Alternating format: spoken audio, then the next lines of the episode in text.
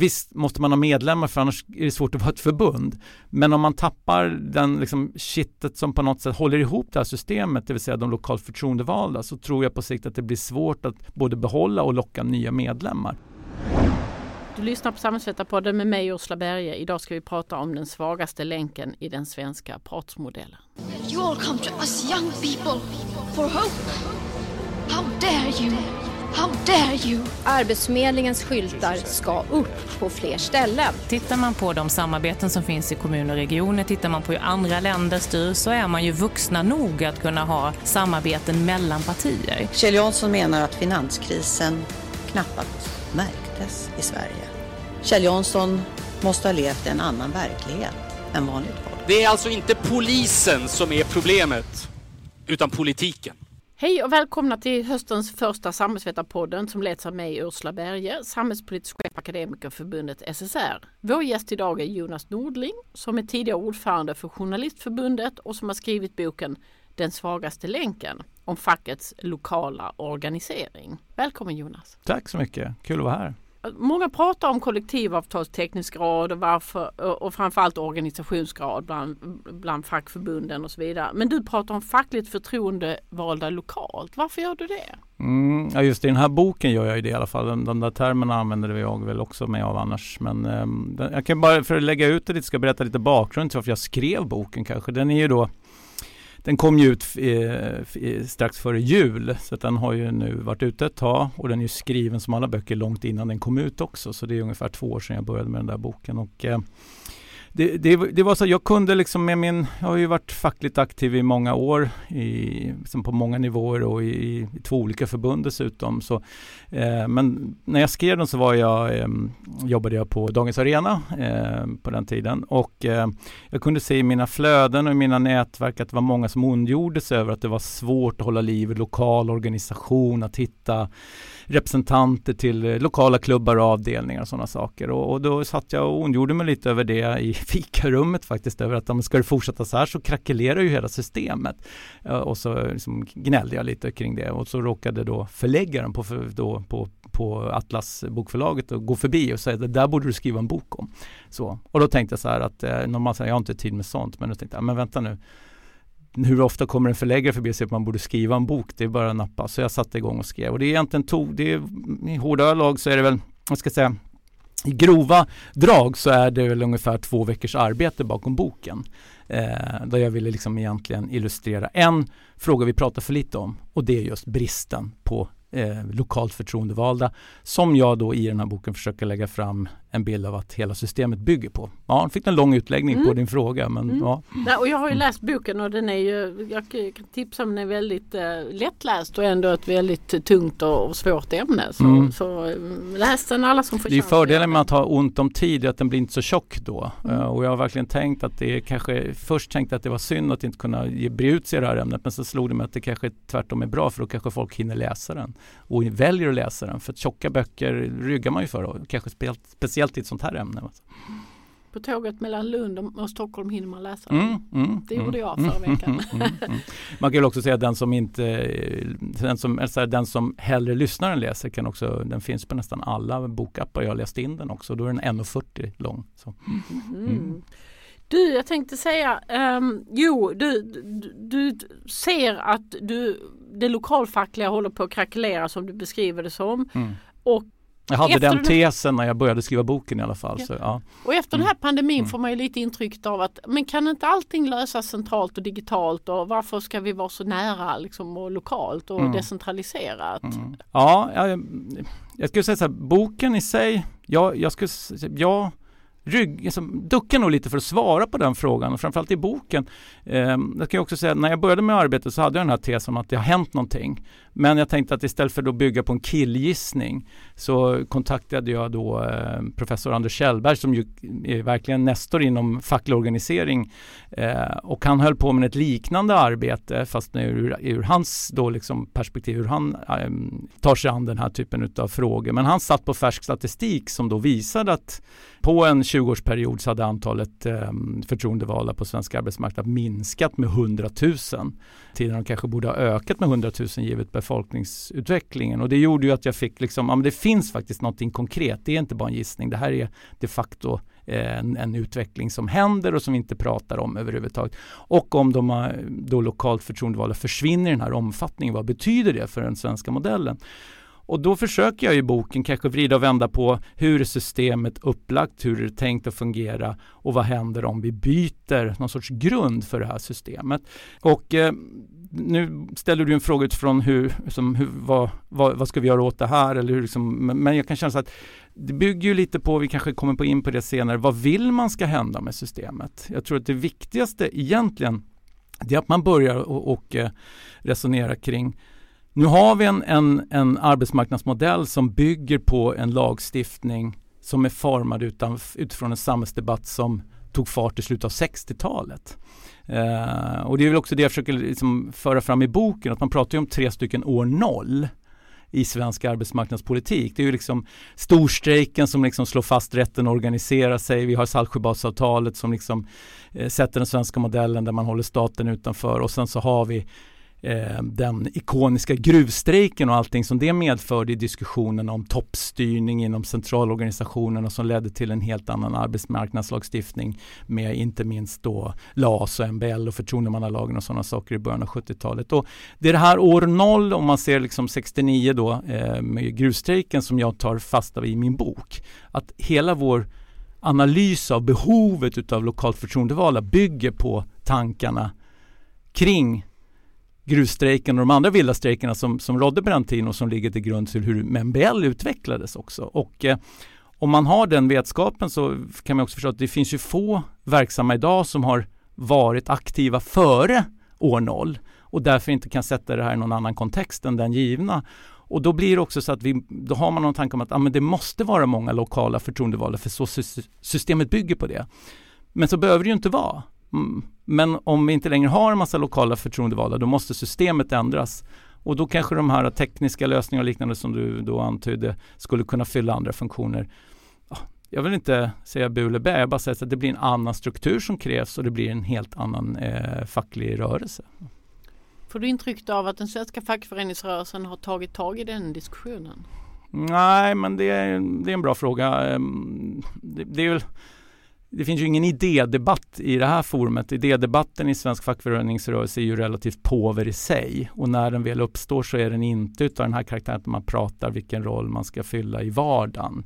Utan den handlar kanske mer om, ja men nu har det varit mycket hur ser vi på arbetskraftsinvandring och hur ska ja, omställningsförsäkringar fungera och sådana saker. Men det blir väldigt teknisk. Eh, man går inte djupare i att prata kanske grundläggande strukturer i liksom hur systemet tänkt att fungera. Man läser ju mellan raderna lite att du tycker att den lokala fackliga organiseringen är viktig. Ja, den är ju nödvändig om vi ska ha den lagstiftning vi har idag.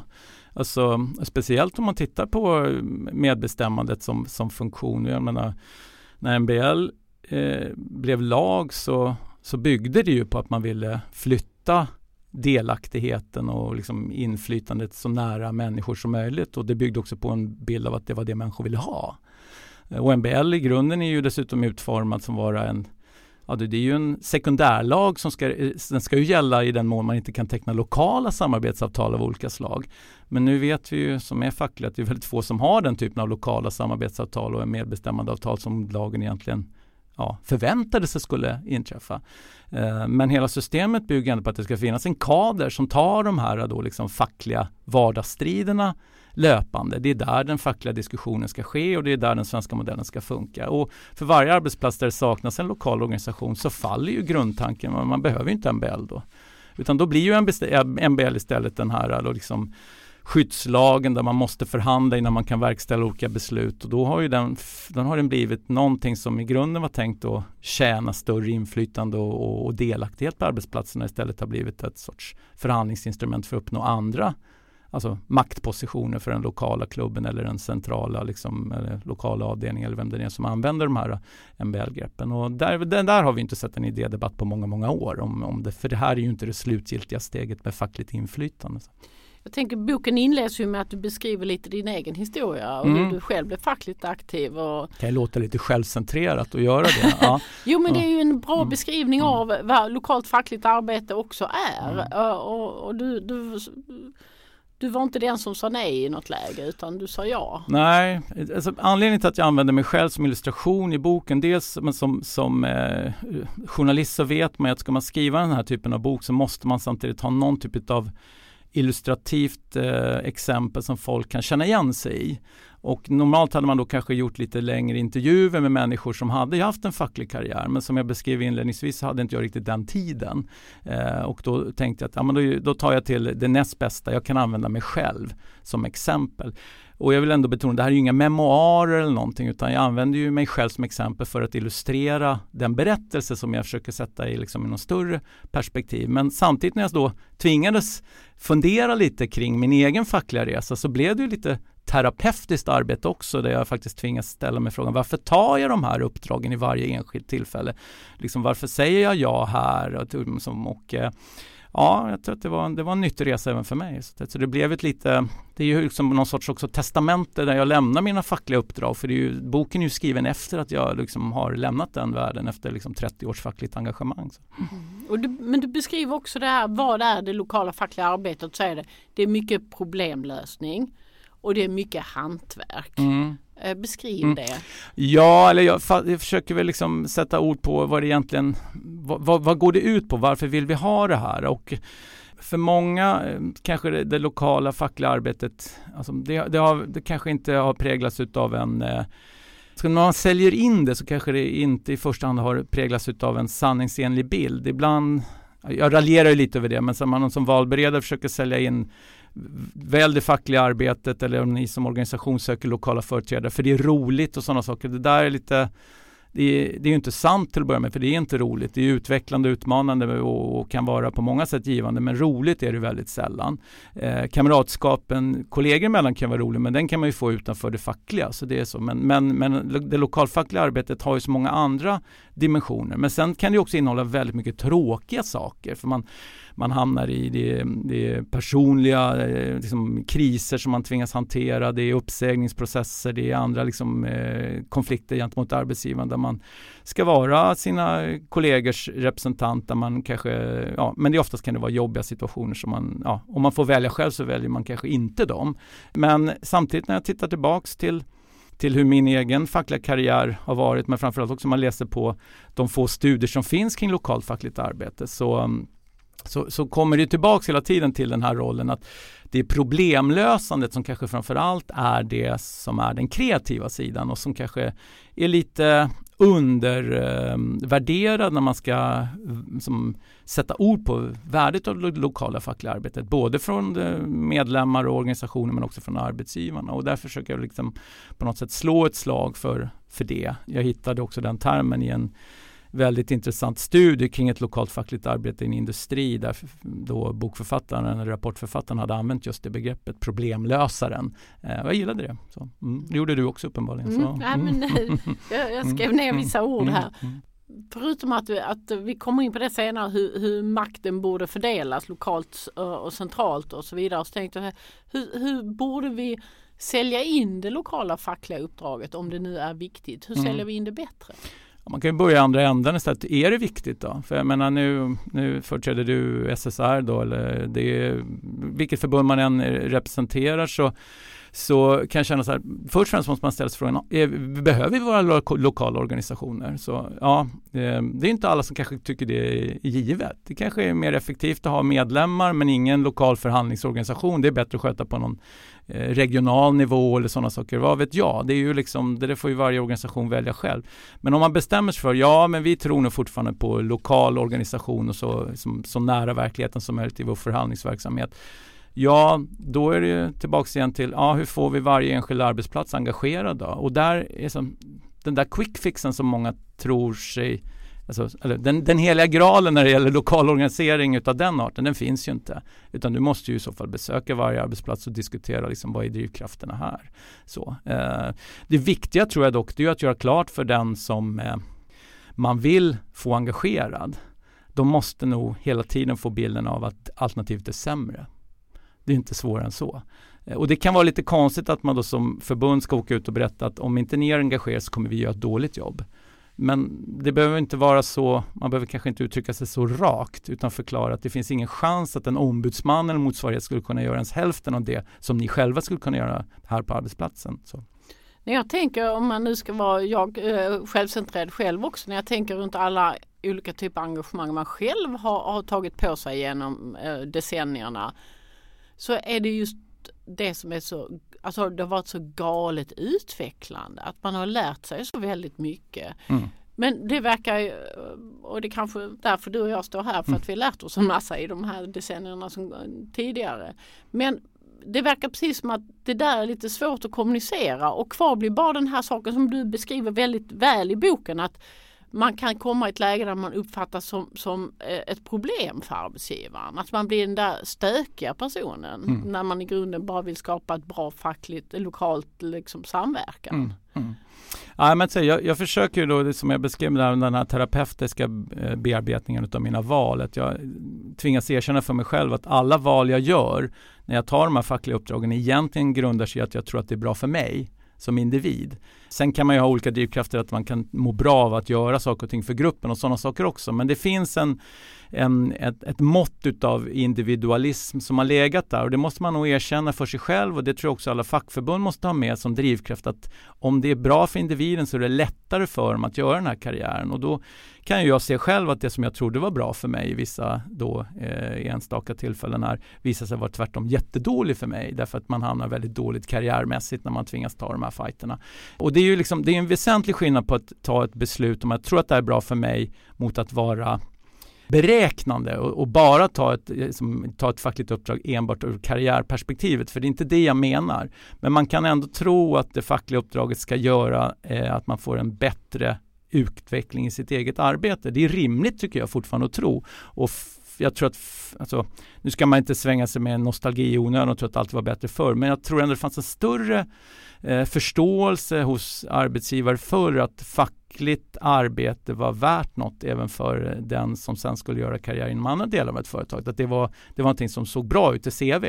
Jag är inte övertygad om att det gör det på samma sätt längre och den, den dimensionen tror jag är viktig att prata om, liksom hur man kan göra ett fackligt engagemang av något slag till någonting som känns bra även för den som inte vill ha en framtida karriär bara inom facket. Och där där kan ju säkerligen arbetsgivarnas inställning också påverka liksom, möjligheten att få fler engagera sig. Men med det sagt skulle jag säga att det, det, liksom, det största felet som eh, fackföreningsrörelsen skulle kunna göra i det här skedet är att man på något sätt litar på arbetsgivarsidan när det gäller att lösa problemet med att allt färre vill ta fackliga förtroendeuppdrag. För det är ändå en utmaning som fackföreningarna måste lösa själva. Man kan tycka att arbetsgivarna borde visa större förståelse och värdera fackligt, eh, facklig erfarenhet mycket högre. Men om de inte gör det så kan vi inte liksom skuldbelägga dem utan då får man hitta andra eh, angreppssätt för att nå de resultat man själv vill uppnå.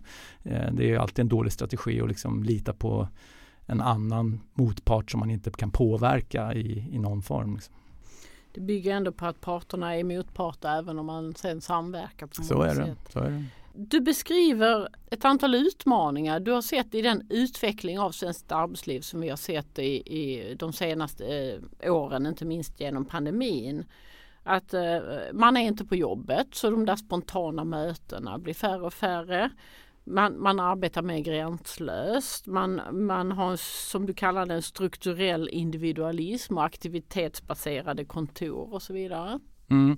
Nu ska jag säga, jag tror att just i de här alla konkreta exemplen som du tar upp, det är nog i första hand Anders Kjellberg som ju den här parallella studien som jag hänvisade till, han eh, målar upp de här sakerna. Så jag citerar ju väldigt mm. friskt ur hans bok. Men jag, i de här fallen så delar jag ju hans uppfattning att det här är en, det här är en korrekt eh, verklighetsbeskrivning. Men ändå rätt ska vara rätt i sammanhanget. Mm. Sen delar inte jag alltid Anders Kjellbergs analyser om hur framtiden ser ut, hur man ska lösa det. Men, men den här uh, situationen är helt klar. Eh, och det är klart att i en situation där Eh, Eh, alltså framförallt inom tjänstemannasidan så jobbar man kanske mer distans, man har kanske inte samma känsla i gruppdynamiken på arbetsplatser där man inte möts och sådana saker. Det kommer ju innebära helt nya utmaningar. Man kan ju andra sidan, det här pratar jag inte om i boken, men det är en sån sak som jag brukar fundera på lite i, i min, nu är jag ju eh, reporter på Dagens Arbete och bevakar fackliga frågor hela tiden. Så det som händer nu i Sverige är ju lite intressant, det är ju att tjänstemanna och akademikerklasserna just genom det här distansarbetet som har utvecklats efter följd av pandemin har väl mer eller mindre närmast infört sextimmarsdagen redan. Eh, och det blir ju intressant att se hur man kan flytta fram positionerna i, i framtida liksom, avtalsrörelser. För att det skulle vara, jag skulle tro att man rätt snabbt kan hitta studier som visar på att eh, tjänstemannasektorn jobbar mycket mer effektivt nu mer utan att det påverkar produktiviteten och då är det bara att casha in skulle jag säga. Men det var ett sidospår i sammanhanget. det var ett mm, sidospår. Mm. Jag hörde på nyheterna igår att Elon Musk kräver att alla på hans företag jobbar 40 timmar i veckan på kontoret. Mm, nej precis, jag såg att Apple försökte få sina medarbetare att åtminstone komma in tre dagar i veckan och då hade det blivit revolution bland dem. Så att, eh, ja, så, så ja. kan det bli. Vissa frågor engagerar mer än andra. Men jag tänker det, hur lätt är det att ha en lokal facklig klubb om alla sitter på datorn hemma eh, över Teams? Mm, nej, det är klart att det, det är ju en utmaning eh, som ur ett perspektiv, man kanske inte får det här uh, vardagliga kittet i ett samtal och sådana saker. Men jag tror att tekniken i sig kan ju ändå göra det möjligt att man kan fokusera på fackliga frågor i form att nu ska vi bara prata om det i den här formen och det, menar, man kan ju man kan ju ha en sån dialog i ett fikarum, man kan ha den via Teams. Jag tror, inte att, jag tror faktiskt inte att det är tekniken som avgör utan um, det är väl mer tilliten till varandra. Ett möte blir ju bara så bra som de som deltar i det vill att det ska bli. Vi är så vana nu med de här typen av möten så att eh, jag tror inte att den, den, tekniken står inte i vägen längre för, för fackligt arbete på, med den dimensionen. Men däremot så har det väl utkristalliserat sig som jag var inne på också en, en väsentlig skillnad mellan eh, samhällsgrupper. Jag menar, nu pratar vi om akademiker och tjänstemän, liksom folk ute på, som, i traditionella arbetaryrken, de jobbar på som vanligt i, i sina miljöer. De har inga teamsmöten eller jobbar på distans. Liksom. Så, att, eh, så där är det andra utmaningar för att hålla liv i den lokala fackliga strukturen. Ja, och en sådan utmaning för att ta ett sådant exempel, det är ju gigarbetarna. Mm.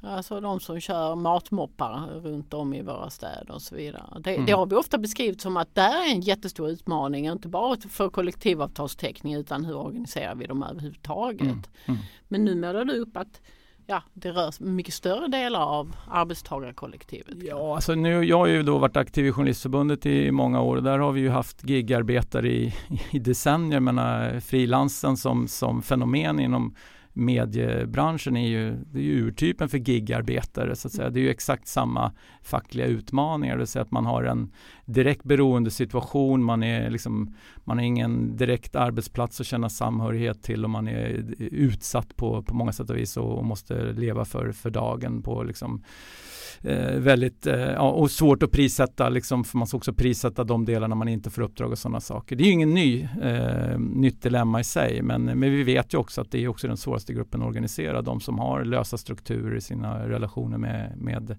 arbetsköparen då, för att använda sig av marxistisk terminologi. Jag hittade ett, ett intressant citat från SAF mm, tekniska direktör Stränder, Börje ja. Stränder. Mm. Han menade citat då, företagen borde kortsluta fackföreningssystemet genom att radikalt decentralisera arbetsorganisationen och återupprätta första linjens chefer. Mm. Ja, det där är ett roligt citat, kul att du fastnade för det. Jag hittade det i Svante Nykanders eh, alltså enorma genomgång av utvecklingen av svensk arbetsrätt. Men jag var ju extra intresserad av att veta hur man hade resonerat från arbetsgivarsidan när det just eh, medbestämmandelagen skulle införas. Och det här, här säljs ju då införandet av medbestämmande in på det sättet att man lamslår, ja det är framförallt LO som man pratar om i det här fallet, man lamslår deras möjlighet till centralstyrning genom att decentralisera eh, den, eh, relationen arbetstagare-arbetsgivare till så nära produktionen som möjligt och att då var ju det ett, ett, argument som SAF använde för att förorda medbestämmandet. Det, det ska vi ha, för det som sagt då lamslår den fackliga makten och det är ju ett intressant perspektiv för det är ju tror ingen från Svenskt Näringsliv idag som kanske ser på medbestämmandet med, med de ögonen. Men de kanske borde göra det lite mera för att om de nu eh, vill få en mera, vad ska man säga, ett, ett, ett, större mångfald i hur eh, liksom, relationerna på arbetsmarknaden fungerar så kanske de borde odla medbestämmandet mer. Just därför att då bevisligen så fungerar det rätt så kortsluter man ju de sen den centrala ledningen och fackföreningen och det behöver inte vara något negativt. Det var ju det som var grunden för liksom de vilda strejkerna eh, på slutet av 60-talet, början på 70-talet där man var en, alltså där man kände sig maktlös i förhållande till facklig toppstyrning. Det är ju det det handlar om egentligen och det finns väl ingen facklig företrädare som vill säga nej men vi ska ha mer toppstyrning och mer centralisering utan, och, men det är ju och det är liksom min poäng, men om vi börjar tappa eh, fotfolket, de som ska ta de här uppdragen och representera liksom, eh, facken i, i vardagen, om de försvinner, ja, men då, åter, då, då går vi ju tillbaks till toppstyrningen vare sig vi vill eller inte. Den är ju tillbaks igen där och den kan ju inte gynna någon tycker jag. Då, liksom. Så, men, men det är ett val som varje enskilt förbund måste fatta. Mm, men om man då får till en, en eh, vital lokal facklig organisering mm. så blir det ju inte kortslutet. Nej men det blir eh, då blir det ett ja, det, bottom-up perspektiv. Ja, så kan det bli. Men du vet ju också precis som jag att det kan också bli väldigt spretigt och lite jobbigt. Sitter man i högsta ledningen i ett fackförbund så kan det ibland vara det kan vara svårt att hantera om man får en, en vildvuxen flora av olika lösningar där det kanske inte alls stämmer överens med de liksom, röda linjer man drar upp i vad som är som anledning till att finnas som förbund. Så att, och det, det, är bra med, en, med en, eh, en, aktiv idédebatt i alla förbund men det kan ju också vara jobbigt om man ständigt hamnar i konflikt med klubbar som vill en sak. Eh, och det, liksom, det, det tror jag många förbundsledningar kan tycka, som kan säkert se sig själva i spegeln så att man kanske inte alltid har uppmuntrat den typen av eh, vild flora till förmån för det lokala medbestämmandet. En sak jag också reflekterade över det, är det här med de första, första linjens chefer. Mm. Alltså vi organiserar ju sådana. Mm, ja, det där alltså, är ju det blir också mm, lite mm, udda. Mm. Nej, och det är klart att det är, nu, nu citerar du en, en, en SAF-man från 70-talet fostrad ja. i liksom i ja, det är ju som 50 och 60-talets facklig arbetsgivarmiljö. Det är klart att då ser man kanske inte framför sig att eh, de, de, eh, mellancheferna skulle vara en, en viktig facklig eh, medlemsgrupp. Men så är det ju det bevisligen. Och här hamnar man ju när vi pratade om gigjobbarna förut så är det ju också, det här är ju ett, verkligen ett, ett problem där man organiserar både beställarna och leverantörerna eller utförarna av uppdragen och vems intressen ska gå först för de kan ju ibland verkligen vara i clinch med varandra. Men eh, ja, men, men Stränder i det här fallet, han tar ju upp det mer som att återinföra liksom eh, att vi ska få besluten ska fattas så nära verkligheten som möjligt och menar, Även om jag kanske inte skulle använda de ordvalen som han gjorde så tycker jag han är ju en, en intressant tanke på spåren som man kanske skulle återvinna i alla fall i diskussionerna med arbetsgivarna. Att det här gillar ni väl? Liksom. Mm, spännande.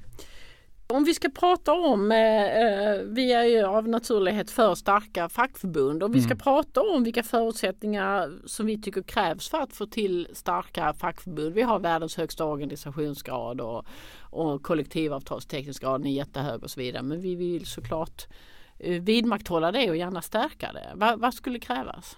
Jag var inne på det förut, det här med quick fix tror jag är en farlig liksom, tanke i sig. Jag tror det till att börja med varje förbund har ju sina egna utmaningar. Sen är det stora förbund som inom sig har också specifika utmaningar som skiljer sig från medlemsgrupp till medlemsgrupp. En del vertikalförbund kanske vuxit sig för stora att de tappar möjligheten att vara snabbfotade. Andra är fortfarande liksom kanske för små för att kunna göra skillnad. Jag tror att det här med att vara stark är också, vad menar man med att vara stark? Att ha en hög organisationsgrad men få förtroendevalda på lokal nivå. Är man stark då? Om man har många medlemmar med få kollektivavtal, vice versa många kollektivavtal med få medlemmar. Det är liksom, det, definitionen av stark är lite så här, ja bestäm dig, vad, vad menar vi med stark? Men traditionellt brukar vi säga, har man må många medlemmar är man stark. Och det har vi också haft fokus på. Medlemsvärvning har ju varit fokus för de flesta förbund. Och det är väl lite grunden till den här boken som jag då ändå tyckte att Visst måste man ha medlemmar för annars är det svårt att vara ett förbund. Men om man tappar den liksom kittet som på något sätt håller ihop det här systemet, det vill säga de lokalt förtroendevalda, så tror jag på sikt att det blir svårt att både behålla och locka nya medlemmar. Och det är därför jag också döpt boken till den svagaste länken. Därför att i min värld, om man ser den svenska arbetsmarknadsmodellen som en kedja, så är det just nu bristen utav eh, lokalt förtroendevalda som kommer visa sig vara den svagaste länken. Och om man får citera några siffror från du som du har fiskat upp av Anders Kjellberg så, så har ju andelen eh, fackligt förtroendevalda sjunkit bland tjänstemän från 14 till 8 procent mm. och bland arbetare från har det, ja det var ungefär Ja, de har samma 10 i andel 11. men de är ju så Men- mycket färre. Ja. Så att i absoluta tal så är det ju liksom, det har ju försvunnit eh, gigantiskt stor mängd eh, förtroendevalda även eh, inom LO-kollektivet. Mm. Eh, men om man bara tittar på just som du säger nu den här med andelen förtroendevalda och glömmer bort att titta på absoluta tal, då sitter man ju också och lurar sig själv i statistiken. Det kan ju se bra ut, men när det visar sig att det är 100 000 färre, då Mm. måste man ju inse så att, vänta nu, de, arbetstillfällena har ju inte försvunnit utan det är ju arbetsplatser där vi uppenbarligen inte finns längre överhuvudtaget. Om andelen är densamma då är det ju verkligen någonting som är farligt. Och här i vårt förbund säger vi att den lokala organiseringen är ju helt avgörande för rekrytering. Mm. Men samtidigt tappar ju inte tjänstemännen fackförbunden lika mycket som arbetarförbunden. Nej, men det är ju också därför att man har utgått från helt olika, som så här, både tjänstemannafacken och akademikerfacken har ju, de är ju fortfarande på någon sorts tillväxtresa eh, som helhet medan eh, LO-förbunden tvärtom är på väg ner. Eh, och, och det är fler klart, och fler definierar ja. sig som tjänstemän. Ja, och, och det är ju också, jag intervjuade Kolle för, för LO-ordförande här för, för några år sedan och han, han beskrev det som en naturlig utveckling för ett, för ett framgångsrikt land att man får färre och färre arbetare ungefär. Och jag tänker, det var en lite defensiv hållning för LOs eh, ordförande tycker jag. Att det var liksom, för då har man på något sätt gett upp att det, var, det, det är så här det ska vara. Eh, och, och jag tänker det måste väl ändå, grunden måste väl vara så att alla ska få frågan och vara med, alla ska få känna känslan av att det finns något värde i att vara med i ett fackförbund. Eh, det måste väl ändå vara drivkraften för oavsett vilken organisation man än företräder. Alltså. Mm. För jag tänker att det enklaste att organisera en oorganiserad det är ju att en, en, ett, ett föredöme, en kollega som är ett bra föredöme Mm. lyckas övertala. Mm. Ja, jag, jag, jag, har funderat mycket på det där. Jag, jag vet ju också att det är ju alltid så. Den som har störst chans att värva en ny medlem är ju en kollega. Eh, gärna någon som också kan signalera att vi, är en, vi har en, en grupp här som vi gillar att hänga i och vi vill ha med dig. Och så länge du inte är med där så kommer vi sakna dig. Det tror jag är en bra inställning och sen tror jag också att det här, ja men som egentligen det kan vara lite vanvördigt att se facklig rekrytering som att sälja någonting, men det gör man. Man säljer ju en idé på något sätt och den som är en framgångsrik säljare vet ju också att man ska inte ge upp utan det gäller bara att hitta rätt eh, tillfälle för köparen att slå till.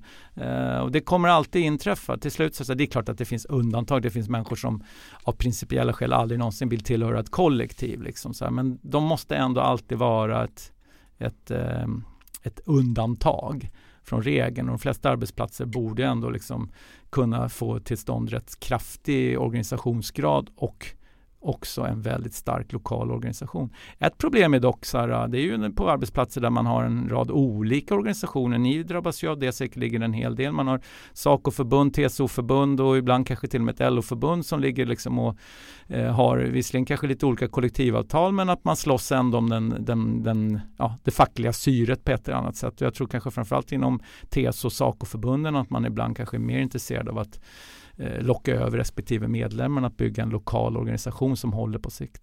Du, du var inne på det här att facket ska ju inte riktigt luta sig mot arbetsgivarna och, och utan att vi får, vi får liksom lösa våra problem själva. Och samtidigt så i alla möjliga olika sammanhang så hör jag det här från, arbets, från arbetsgivarhåll att det är ju ni som är problemet. Vi Mm. har ju jättehög andel av ar- arbetsgivarna är ju medlemmar hos oss och vi tecknar kollektivavtal. Det är ni som har fallande medlemsantal Mm. och ni Mm. borde ju eh, lösa det problemet.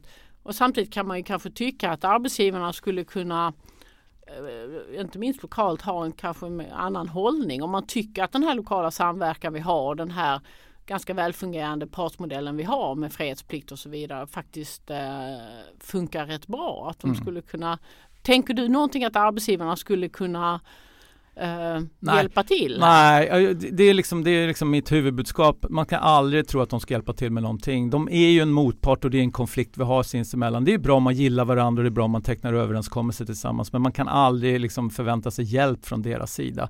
Det, och, och, och vice versa skulle jag säga. Men däremot så om man tittar på det här med organisationsgrad och drivkraft och sådana saker. Alltså, vi har ju vissa utmaningar. Du behöver inte vara med i ett fackförbund för att omfattas av ett kollektivavtal. Det är ju bra i grunden, men det är ju ingen drivkraft till att vara med. Det är ju mer en drivkraft att slippa vara med. Eh, du ehm, eh, har å andra sidan då ett system där det är bra att vara med i ett fackförbund eftersom vi har inkomstförsäkringar, många av oss, som gör att det värde, finns ett värde där eh, som inte samhället klarar av att täcka upp i arbetslöshetsförsäkring och sådana saker. Det är ju bra ur ett liksom att locka medlemmar men det är ju dåligt ur ett samhällsperspektiv att vi tvingas liksom som, som klockan har snurrat tillbaka och vi tvingas liksom lösa arbetslöshetsförsäkringen igen och sådana saker. Det är ju sånt som man bör diskutera med arbetsgivarna när de börjar prata om vem som är bra på vad.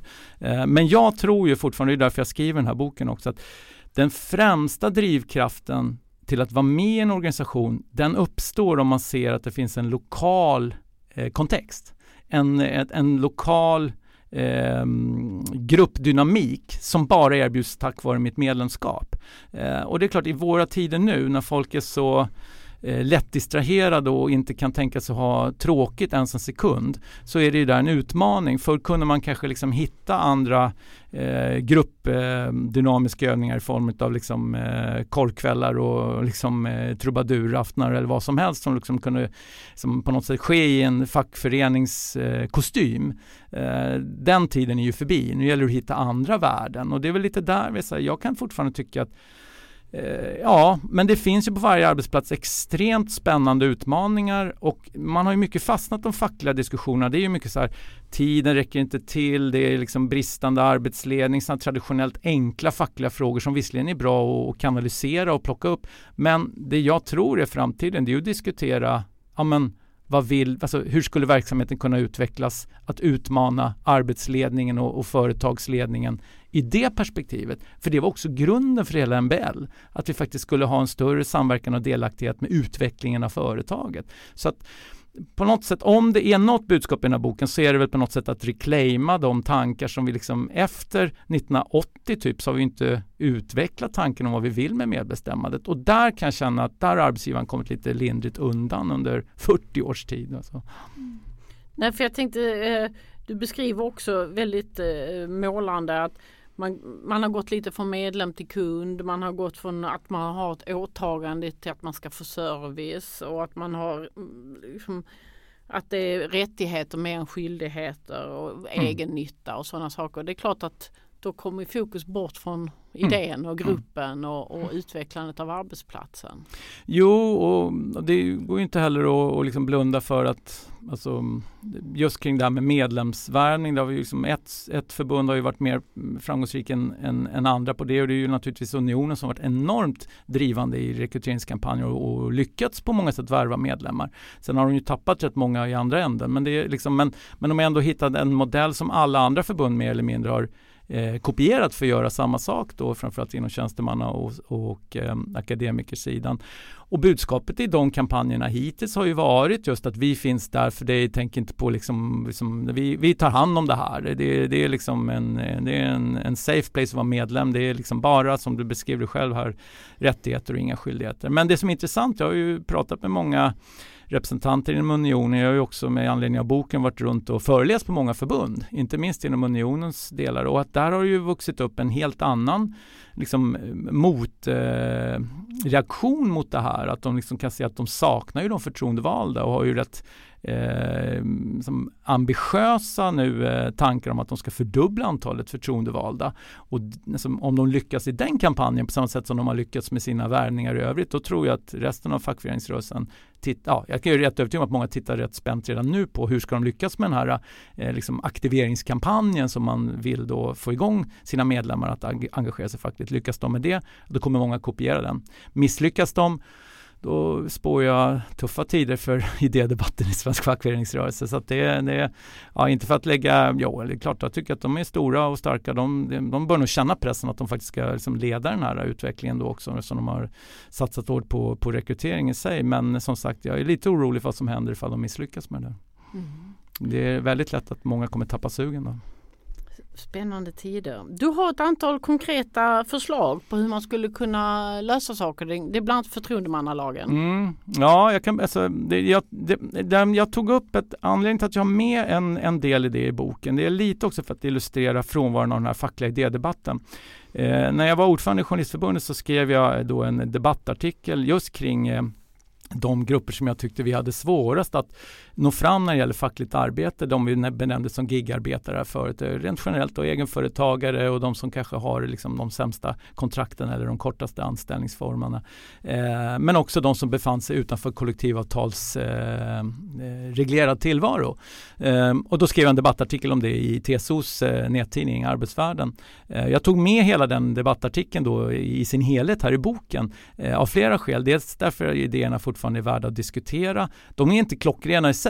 Men jag tog också med dem därför att när jag skrev den så var det en total tystnad. Den, det fanns ingen som ville plocka upp den här idédebatten och föra den vidare och det kan ju, det, sker ofta, det, det beror ju oftast på två av två anledningar. Antingen är det för att idéerna är så fruktansvärt tokiga som man liksom av, ö, liksom, av men som man tycker synd om den som lägger idéerna så man vill inte ens eh, närma sig frågan för det är synd om killen.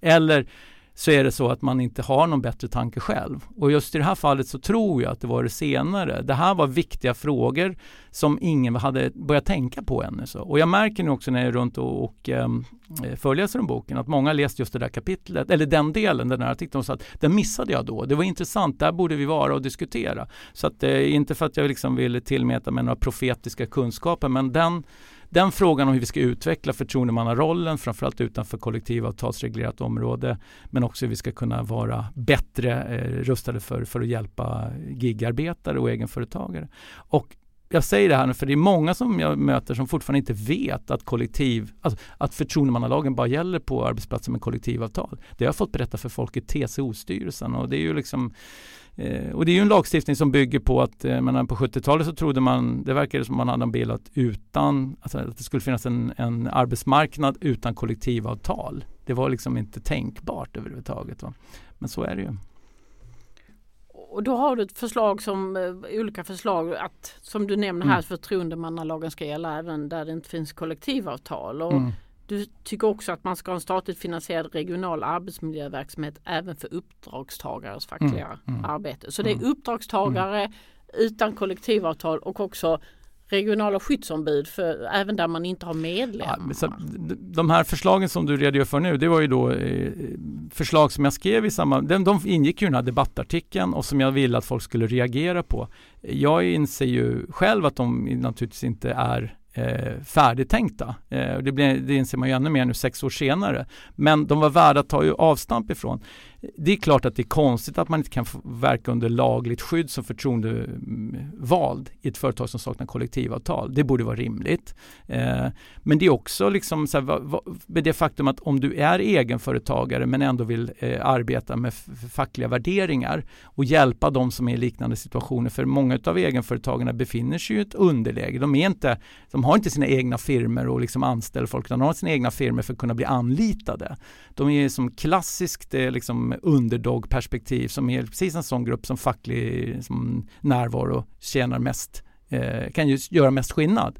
De har ingen möjlighet att bedriva fackligt arbete överhuvudtaget eh, annat än att de liksom måste bekosta den själva. Det eh, finns inga liksom, skyddssystem på det sättet som man då har via förtroendemannalagen och liknande. Då tyckte jag att i den systemet som finns med RSO som liksom bygger lite på samma sätt att man får med statliga medel hjälp att mm, som vidta arbetsmiljöarbete där det inte finns en lokal arbetsmiljöorganisation, ja men då är det väl rimligt att den här gruppen som inte heller har någon struktur också får statlig hjälp för att bedriva arbete som, ja den svenska modellen är ju mer eller mindre den är ju sanktionerad utav, utav eh, riksdag och regering så då borde de väl också få stöd för att bedriva det som alla andra har rätt till. Det är klart det finns hål i den typen av förslag men vi måste ju diskutera och börja någonstans. Så det där var en brandfackla som jag slängde in och jag vet inte, rishögen har inte börjat brinna än. Så. Och det här finns det ju en ideologisk eh, motsättningar. Det är inte alla de politiska partierna som går till val i det här riksdagsvalet som är för mm. de här idéerna. Nej, verkligen inte. Men sen ska jag säga också, den som har läst boken, du, som du, du har ju säkert sett också att jag motsäger mig själv så tillvida att jag rackar ju i ett annat kapitel ner på RSO-systemet som också kan vara kontraproduktivt eftersom det ju faktiskt bygger på att någon annan ska ta hand om det här istället för de på arbetsplatsen. Mm. Just genom att man har ett system som bygger då på regionala skyddsombud som man kan skicka in med statlig finansiering på en arbetsplats som inte har tagit tag i det här själva om man ska hårdra det. Mm. Eh, det gör det ju inte lättare att skapa lokal facklig eller i det här fallet arbetsmiljöorganisation därför att det finns alltid någon annan som tar tag i det. Mm. Så, sen är jag ju liksom den första att inse att det finns arbetsplatser där man aldrig kunde komma, komma ta tag i arbetsmiljöfrågorna. Då RSO spelar en väldigt, väldigt viktig roll. Men det är viktigt att även den dimensionen diskuteras om man verkligen vill få igång lokalt arbete. Så vad finns det för kontraproduktiva instrument som man i så fall också måste se över? Mm. Mm. Ja, spännande. De två meningar på slutet som du skriver i boken som jag eh, fastnade för. Den ena meningen är någon måste ställa frågan. Och den andra är någon måste låta bli att säga nej. Mm. Mm. Ja, jag, när jag gjorde min research på boken så fastnade jag lite för en, en studie som var gjord med fackligt aktiva i Lärarförbundet tror jag det var någon gång på 80-talet och då hade någon av de intervjuade sagt det på frågan varför man gjorde, varför man tog uppdraget så var det så här, ja jag var väl den enda som inte sa nej. Eh, och det var väl liksom rätt eh, klarsynt egentligen att det är ju det lite handlar om. Det är så många som, eh, som eh, kanske ja, avstår av olika skäl. Då gäller det att inse att man är en del av något större och kanske säga ja. Men framförallt för att säga ja måste ju först få frågan. Exakt. Och det är där vi står idag. Tack Jonas. Ja, tack själv.